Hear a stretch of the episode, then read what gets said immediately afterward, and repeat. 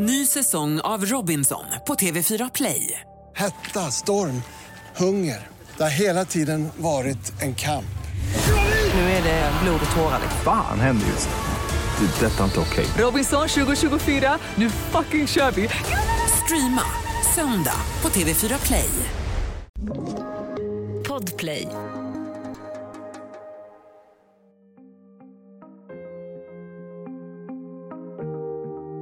Drunknade spolas upp på stränderna där vi badar på chartersemestern. Det är desperata människor som flytt ett krig långt borta. Men nu känns tragedin plötsligt nära. Många svenskar blir chockade och skänker pengar. Anders Carlén gör mer än så. Han åker ner till Medelhavet för att hjälpa till. Det blir en vecka som förändrar honom för alltid. Det här är Jag var där, en dokumentär från Podplay av Andreas Utterström och Mattias Bergman. Nytt avsnitt varje onsdag om du inte lyssnar genom Podplay. Där finns hela säsongen redan nu. Det är hösten 2015. Anders Carlén är 36 år gammal och jobbar som journalist. Vid den här tiden är han chefredaktör för tidningen Allt om fritidshus. Han har fru och två barn och bor i Stockholm. Jag, liksom många andra, eh, följde ju eh, konflikten eller spåren av konflikten i Syrien. Men världen är nära. För den här hösten kan ingen svensk missa ett krig som utspelas 340 mil bort.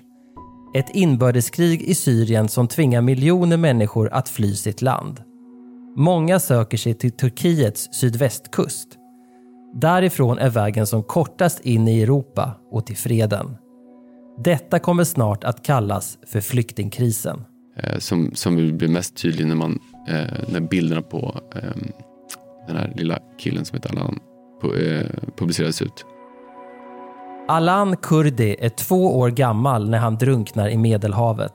Familjen har försökt ta sig från Turkiet till den grekiska ön Kos på en gummibåt överlastad med folk. Bilderna av Alans döda kropp i en röd t-shirt och små blå shorts chockerar hela världen. Ett oskyldigt barn som drabbats av kriget ligger nu på en grekisk turiststrand. Kanske, man fick en bild och ett ansikte på konsekvenserna av kriget i Syrien. Inte bara Anders Carlén utan hela EU tas på sängen. Medierna fylls av berättelser om hur Syrien lagt sina livs besparingar för att ta sig den korta sträckan över Medelhavet till Europa. Bankgironumren till hjälporganisationer dansar över tv-skärmarna. Och det startar snabbt nya satsningar som ska hjälpa flyktingarna. Och i Sverige hade det då startats ett initiativ eh, som heter Vi gör vad vi kan som från en början handlade om att samla in eh, kläder till, till Syrien och till, eller till de som, som flydde från Syrien. Eh, och det här eh, eh, engagemanget hade vuxit och blivit ännu större och nu hade man eh, fått möjlighet att hjälpa till på plats eh, på Lesbos som var en av de öarna dit väldigt många kom. Anders Karlén får kontakt med en kvinna i det privata initiativet. Jag har en bakgrund som eh, gjort utlandstjänst i, i Bosnien och Kosovo. En del av jobbet var ju också att jobba med, med interna flyktingar som det blir då i konflikter. Så det var inte nytt. Och, och vet också att väldigt mycket utav, utav liksom, den här typen av verksamhet på plats handlar inte bara om att hjälpa utan om logistik, transport, eh, ja, men, eh, prak praktiska saker. Tråkiga saker som är viktiga, inte så mycket hjärta, ganska mycket bara hjärna och, och göra saker. Och då svarade hon med en gång och så sa hon, vi har en tom plats eh, på ett flyg ner imorgon, kan du åka? Um, och jag vill minnas att jag frågade, att jag pratade med min fru först och sen sa jag. Eh, men det kan vara så att jag sa ja först. Det är klart att du måste åka, så. Och vad vet du då om vad som väntar på Lesbos? Ja, men väldigt lite. Jag, jag, vet att det anländer båtar, att man försöker hjälpa till på plats, eh, att, det är, att det saknas någon slags infrastruktur. Jag kände ingen som jag skulle åka ner med eh, heller. Organisationen har snabbt samlat in pengar, kläder och annat som behövs. Anders tar en veckas semester och hans kollegor på jobbet lovar att täcka upp. Det är nu september 2015 ett resebolag har fixat flygstolar och vandrarhem på Lesbos, en av de grekiska öar som ligger närmast turkiska kusten. Anders träffar ett femtontal andra volontärer på flighten. De som ska bli hans kollegor under en intensiv vecka. Och väldigt spretigt. En, en dokumentärfilmare. En kille som jobbade med säkerhet på konsertarrangemang. En, en tjej som var sjuksyrra, en, en annan kille som var sjuksyrra. Vä väldigt, väldigt duktiga människor som, som fyllde väldigt eh, viktiga funktioner utifrån där de kunde, skulle det visa sig. Redan några timmar efter touchdown börjar de jobba. Vi, vi träffade ett gäng eh, som var helt slutarbetade skulle jag säga. De hade varit där en eller om det var två veckor och jobbat dygnet runt. Anders och de andra hyr bilar och åker norrut på ön till stranden där gummibåtarna kommer in. Det är ju en, en lång, lång sandstrand där du annars har semesterfirare. En lite pittoresk by med restauranger. Ehm, men den är fylld med eh, punkterade gummibåtar, skor, ehm, lite kläder och eh, flytvästar som flyter överallt. Och mitt i det plötsligt så glider in en, en, en båt. Då. Glada, mm, omtumlade och lite chockade över att de har överlevt resan. Några vill ta sig vidare så fort som möjligt. Eh, andra väntar på, på släktingar. De vill ladda batterier i telefonen, för det är oftast det de har med sig bara och berättar att de har tagit sig över. Ett antal av dem som jag är där med eh, kan prata arabiska. Eufori för att ha klarat sig och sen ganska snabbt en insikt om att nu måste de ta sig vidare. Den kortaste vägen mellan Turkiet och Lesbos är mindre än 10 kilometer. Men den är långt ifrån riskfri. Gummibåtarna är i dåligt skick och fylls till bredden med människor. Flytvästarna, som smugglarna tagit hutlöst betalt för, är ofta fejk enligt många vittnesmål. Ibland fyllda med tidningspapper istället för flytblock. Vad är det vi ser nu, Anders? Ja, men det är mitt på dagen eh, och Eh, det är två stycken båtar som kommer in. Eh, de är överfulla. Eh, och går in mot land. Eh, och de som är på båtarna är ju väldigt glada över att ha kommit fram. Eh, vi förstod ju allt eftersom att de var väldigt dåligt informerade. De visste inte vilket avstånd det var. De visste inte var de skulle komma. Eh, att det var Lesbos de skulle komma till var det många som inte heller visste. Och väldigt många av dem kunde inte simma heller. De kommer fram utan ägodelar. Det är framförallt syrier, men också en del irakier och afrikaner som Anders möter på stranden. Och alla är väl lite tagna på sängen för det här har ju växlat upp från sommaren och under hösten då i september. Och vad blir din uppgift? Ja, men lite olika saker.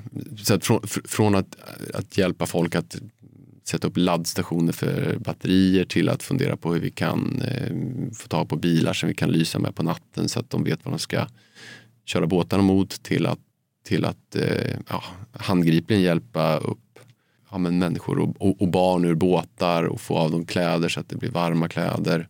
Vi försöker ju mm, bygga någon typ av stationer. Det finns kläder som vi har med ner så att, eh, att tillfälligt ställa upp det. Eh, vi åker och handlar eh, gasolkök och för att kunna värma soppor på natten. Den, kunskap, den lilla kunskap vi har den får vi, ärver vi av de som varit där innan. Hemma har Anders Kalén sparat en utprintad bild som han har tagit under arbetet. Eh, nere vid vattnet eh, är det becksvart ute. Eh, vi har jobbat i flera dagar och nätter om vartannat. Båtar kommer in i ojämn stridström eh, från den turkiska sidan. Eh, och de vet inte var de är på väg. Eh, de vet inte hur långt de ska åka och de vet inte var land finns. Så vi jobbar mycket med att lysa upp stränderna eh, så att de ska ta sig mot ljusen. Och I det här fallet då är det en överlastad svart gummibåt som kommer fel så att den går in där det är väldigt klippigt och inte en strand. Vi hör egentligen bara rop från båten. Ehm, och så driver den in till sist då kalabalik för att alla börjar försöka ta sig ut och det är fortfarande ganska djupt. Uh, och det som blir tydligt sen på bilden är att det är ju framförallt barn.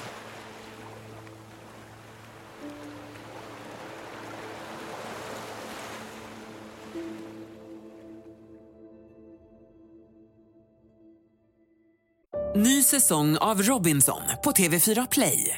Hetta, storm, hunger. Det har hela tiden varit en kamp. Nu är det blod och tårar. liksom. Fan händer just nu. Det. är Detta är inte okej. Robinson 2024, nu fucking kör vi! Streama söndag på TV4 Play. Ett poddtips från Podplay. I podden Något Kaiko garanterar östgötarna Brutti och jag, Davva, dig en stor dos skratt. Där följer jag pladask för köttätandet igen. Man är lite som en jävla vampyr. Man har fått lite blodsmak och då måste man ha mer. Udda spaningar, fängslande anekdoter och en och annan arg rant. Jag måste ha mitt kaffe på morgonen för annars är jag ingen trevlig människa. Då är du ingen trevlig människa, punkt. Något Kaiko, hör du på Podplay. Därför är gardinerna. Väldigt många av de här, inte våra volontärer utan alla de, det var ju från hela Europa som fanns på plats. Ville gärna gå fram och, och liksom hjälpa någon ur båten och, och, och, och, och sen var det klart. Medan det var ju inte den svåra delen utan man behövde försöka bygga förläggningar där det fanns en station för mat, en station för eh, kläder och eh, information och en läkarstation. Eh, och ingenting fick vara permanent heller. Utan eh, man, man fick liksom bygga upp det eh, temporärt hela tiden. Samordningen haltar. Personal från grekiska myndigheter är inte särskilt synliga. Många föräldralösa barn reser med till exempel en äldre kusin. Mer än en båt i timmen kom in. Folk är där på charter ska man komma ihåg. Så det är liksom, det är på ett sätt absurt när, när ehm, det är glada semesterfirare på samma strand som det anländer båtar till. När varje båt kom så försökte man få se om, om det var någon som skadad eller som var sjuk och få den till läkare. Och så man, man var liksom hela tiden sysselsatt. Mm. Ehm, och, så var det i, i sju, sju dygn skulle jag säga. Både ta ett ansvar men, men inte um, var, var, försöka vara lite hålla huvudet kallt under tiden. Skulle jag säga. Klarar du det? Ja, det tycker jag. Det var inte så mycket läge att tänka efter. Man kom hem så några timmar så gick man upp igen. När båtarna aldrig sinade som kom in så känns det ju... Ja, men- det, man, man blir ju tung i sinnet. Um, och, och det blir också, man, blir- man blir påverkad personligt um, uh, av att se människor som liksom lider och far illa. De anländer och sen så var det en promenad på dryga en och en halv timme upp till bergen där det fanns en, förhoppningsvis en buss som skulle komma. Men det fanns ju en buss för kanske 70 personer och det var kanske 500 personer som stod och väntade. Förhandla med busschaufförerna som inte vill köra fler än 70 så att man kan trycka in det dubbla och sätta dem i knät. Så här eh, kör jag en familj då. Det är, en, det är ju en vanlig personbil vi ser men jag tror jag räknade till att vi är, inklusive mig, 11 personer. Mm. Ehm, Baksätet är fullt av barn. Ja, det är det. Stämmer. Ehm, Du pratar ju inte arabiska. nej. Så hur mycket kunde du prata med de som kom och hur mycket kunde du få veta om deras historia, vad de hade varit med om, smugglingen, alltså förutsättningarna för den här resan? Några stycken av de som var med oss ner eh, pratade ju arabiska. Jag tog mycket hjälp av dem. Jag hade eh, skrivit ut eh, fraser och siffror och sådär som jag hade plastat in och hade i, i, i fickan.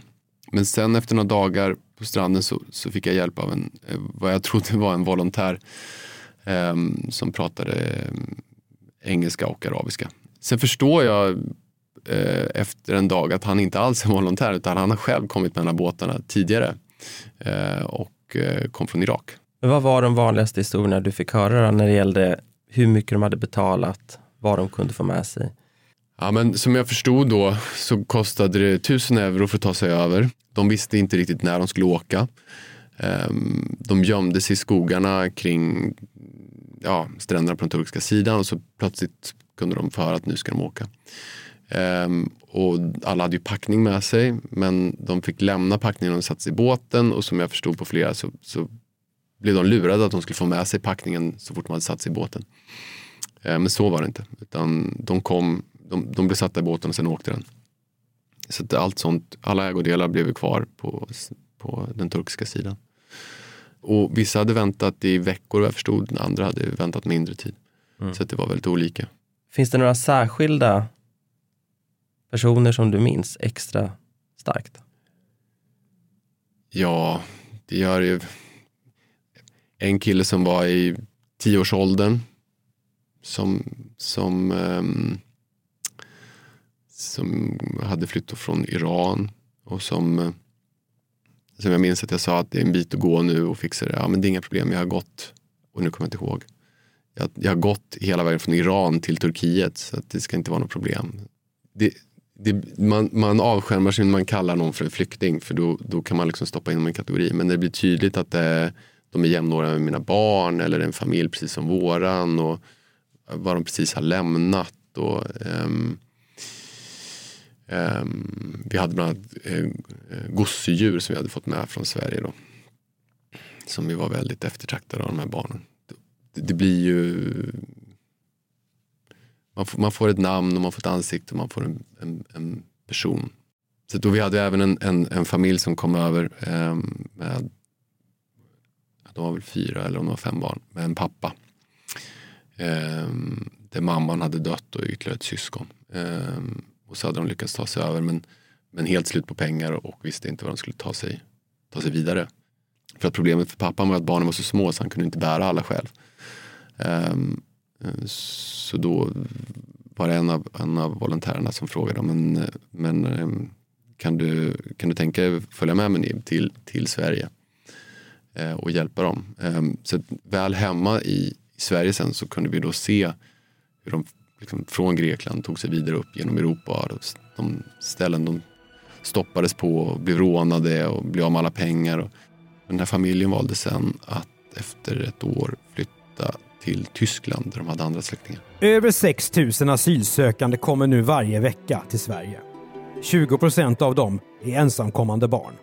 Sverige och Tyskland är de EU-länder som tar emot flest flyktingar. Vi klarar det här, säger tyska förbundskanslern Angela Merkel. Den som flyr från krig och förtryck ska kunna få skydd i Sverige, säger statsminister Stefan Löfven i riksdagen.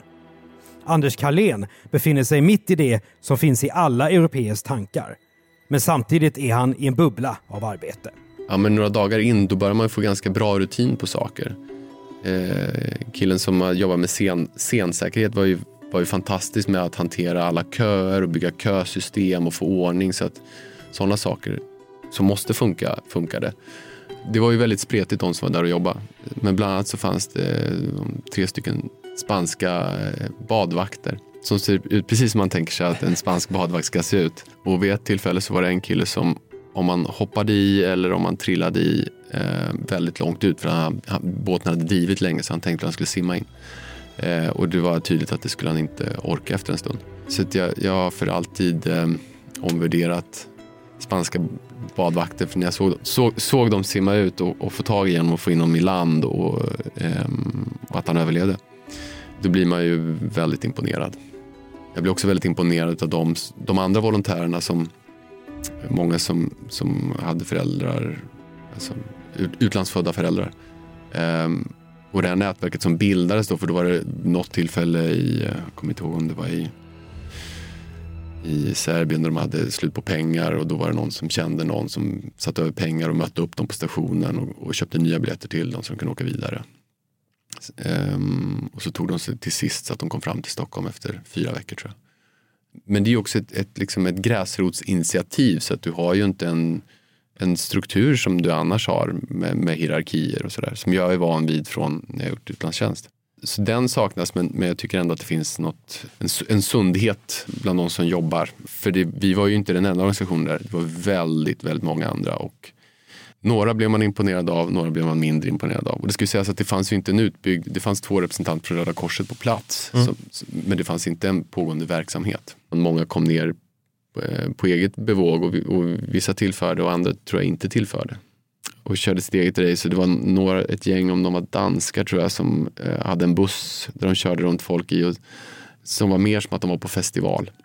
Jag upplevde det som oansvarigt i, i grunden så ville väl alla hjälpa till men, men det var eh, eh ibland tycker jag att eh, det, det skälpte mer än det hjälpte. Kan du släppa fram känslorna under den här veckan?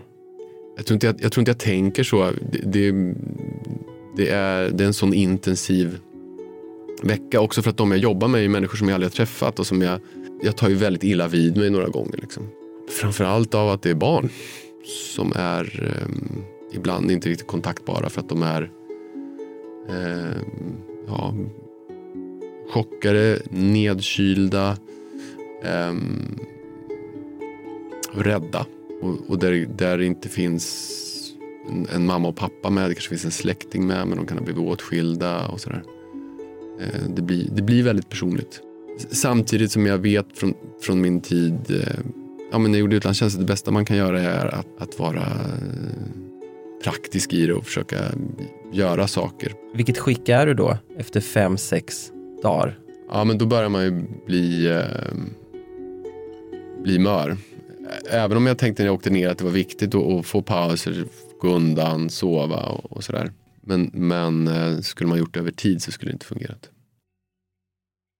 Ny säsong av Robinson på TV4 Play. Hetta, storm, hunger. Det har hela tiden varit en kamp. Nu är det blod och tårar. Fan händer just det. Det är detta inte okej. Robinson 2024, nu fucking kör vi! Streama söndag på TV4 Play. Ett poddtips från Podplay. I podden Något Kaiko garanterar östgötarna Brutti och jag, Davva, dig en stor dos skratt. Där följer jag pladask för köttätandet igen. Man är lite som en jävla vampyr. Man har fått lite blodsmak och då måste man ha mer. Udda spaningar, fängslande anekdoter och en och annan arg rant. Jag måste ha mitt kaffe på morgonen för annars är jag ingen trevlig människa. Då är du ingen trevlig människa, punkt. Något Kaiko, hör du på Podplay. Därför är gardinerna. Hans livs mest intensiva semestervecka är slut. Under Anders Carléns sju intensiva dagar på stranden har tusentals flyktingar kommit dit. Men det är nu dags att åka hem till vardagen och lämna över till piggare krafter. Jag tror man kände när man åkte att man hade velat absolut vara där längre. Hur är det sen då eh, att lämna det här efter sju dygn? Ja, ja men det, det har ju varit som en, liksom, en, en bubbla en vecka. Men, och jag vet ju, när man gör utlandstjänst så har man alltid debriefing när man kommer hem. Så gjorde vi inte här. Vi hade, några, av de här hade, några av de man jobbat med kom man väldigt nära och det fortsatte även när man kom hem. I Stockholm är det höst. Flyktingkrisen skapar många rubriker i tidningarna samtidigt som det mesta ändå är som vanligt. I Sverige finns inga flyktingläger och inga överfulla gummibåtar som kommer till stränderna. Jag landade på lördagen så var det jobb på måndag. Man har ett behov av att berätta och man har ett behov av att inte säga någonting. Och samtidigt som livet, det rullar ju på fullt här hemma med, med små barn och, och där man har det hemma. Det var inte så mycket tid för eftertanke utan man kom hem och högg in och jag tänkte inte så mycket tror jag. Som jag, som jag minns det så var det ju så här, man hade ju fullt upp på jobbet och ta tag i saker och även hemma. Så jag tror bara att jag gick rakt in i att liksom, ta vid där jag lämnade. Sen var det många som hade frågor och jag hade fått hjälp av mina kollegor. Blev det aldrig någon debriefing? Jo, med de andra som jag hade varit ute med. Flera av dem som jag jobbade med där nere var ju, hade ju antingen kommit från Syrien själva tidigare eller hade föräldrar därifrån. Så jag fick ju liksom en, en, um, en bredare vänskapskrets. Jag, jag, kunde liksom förstå saker på ett annat sätt. Vi fortsatte ju hemma eh, med klädinsamlingar och eh, mötte upp den här familjen då, och Munib som kom till Stockholm. Det blev en debriefing i de sammanhangen. Vad är det ni har pratat om? Små och stora saker. Som jag minns det så pratade vi om liksom vardagssaker. Eh, nästan mer än, än, om, än om, om det som var där. Men också om man visste hur det hade gått för några. Och jag, jag tror om jag kände något så var det väl liksom en, en, en tacksamhet eh, när jag kom hem. Fler har nu flytt till Sverige från Syrienkriget än vad som skedde under Jugoslavienkriget på 90-talet. Och diskussionen vänder. Något som händer förr eller senare vid de flesta stora nyhetshändelser. EU betalar Turkiet 3 miljarder euro för att stoppa inflödet av flyende över Medelhavet. Medierna visar nu färre chockbilder av flyende människor, men fler linjediagram över prognoserna för antal migranter. Hur var det då att ta del av debatten både i politiken och i sociala medier där vissa tyckte att de här flyktingarna hade inte i Sverige att göra. De borde ha stannat kvar hemma. Ja, men jag tog ju väldigt illa vid mig. Det jag tog mest illa vid mig var att man liksom försökte distansera sig till dem och, och liksom referera till att det, eh, det, det, är lätt att ställa sig bakom eh, eh,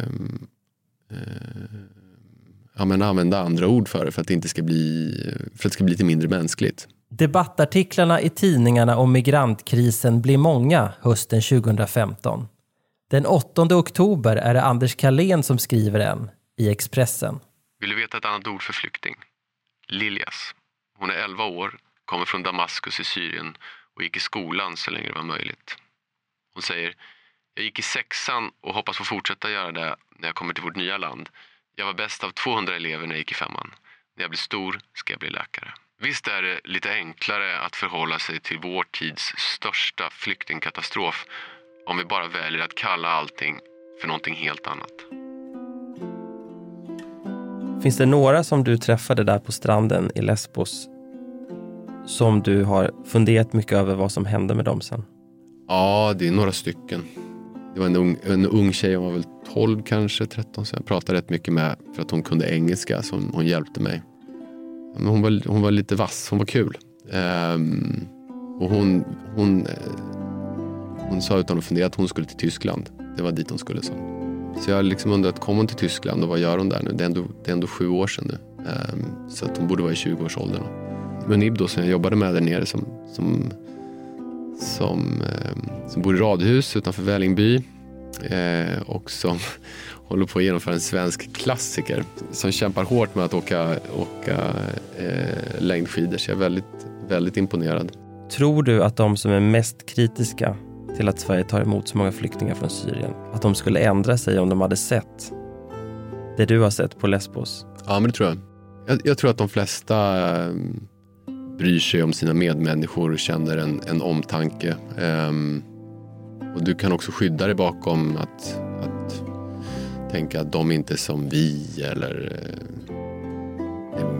ja, det är deras problem, det får de ta hand om. Sådär. Men jag tror att ehm, och, och, kanske att det till och med är en försvarsmekanism. Inte vet jag. Ett år senare är Anders Kalén tillbaka. Han är då chefredaktör på tidningen Vi i Villa och startar ett eget initiativ. Med svenska elektriker, rörmokare och byggarbetare arbetar han i ett flyktingläger i Grekland under några dagar. Skulle du kunna tänka dig att åka igen? Ja, absolut. Jag kom ju ner med en viss erfarenhet men jag kom ju hem med mycket, mycket mer erfarenhet därifrån som jag tror att jag skulle kunna bidra med. Finns det något mått av ego här? Att det är viktigt för dig att andra ska veta att du är en god människa? Jag vet inte. Ja, viktigt för mig, för mig själv att känna att jag gör det. Så kan jag känna.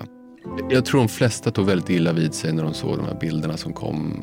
Eh, när jag då fick chansen att, att hantera det genom att man faktiskt kunde göra någonting eh, handgripligen. Då känns det väldigt naturligt att göra det. Vissa verkar väldigt provocerade av att andra gör vad man kan kalla för goda handlingar. Mm. De kallas nedlåtande för godhetsknarkare och sånt där. Mm. Det är klart att jag eh, å ena sidan kände att jag bidrog, å andra sidan så kände jag att min insats ju en frustration i över att den, den är så obetydlig på ett sätt. Så, så, länge, så länge det man gör leder till något bättre så tycker inte jag att det spelar så stor roll.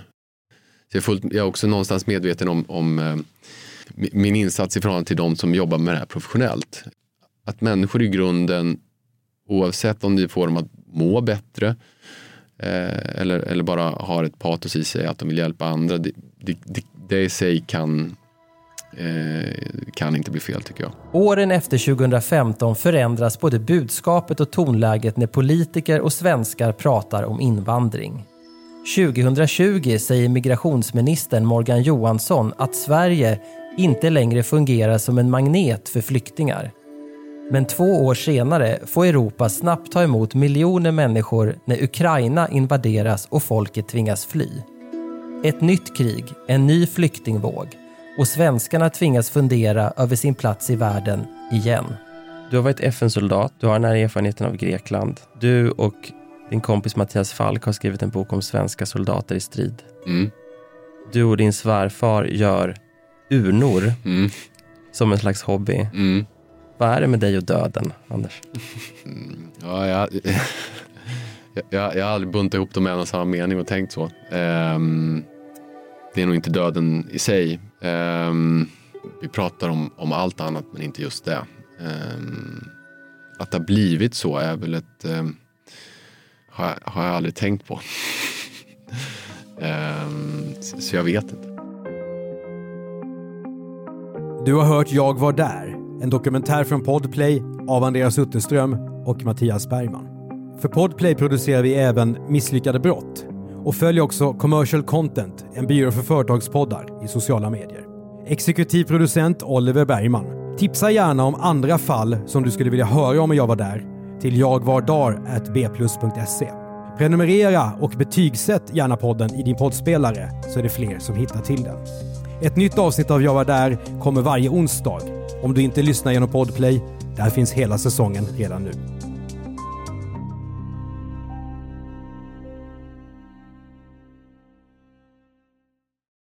Ny säsong av Robinson på TV4 Play. Hetta, storm, hunger. Det har hela tiden varit en kamp.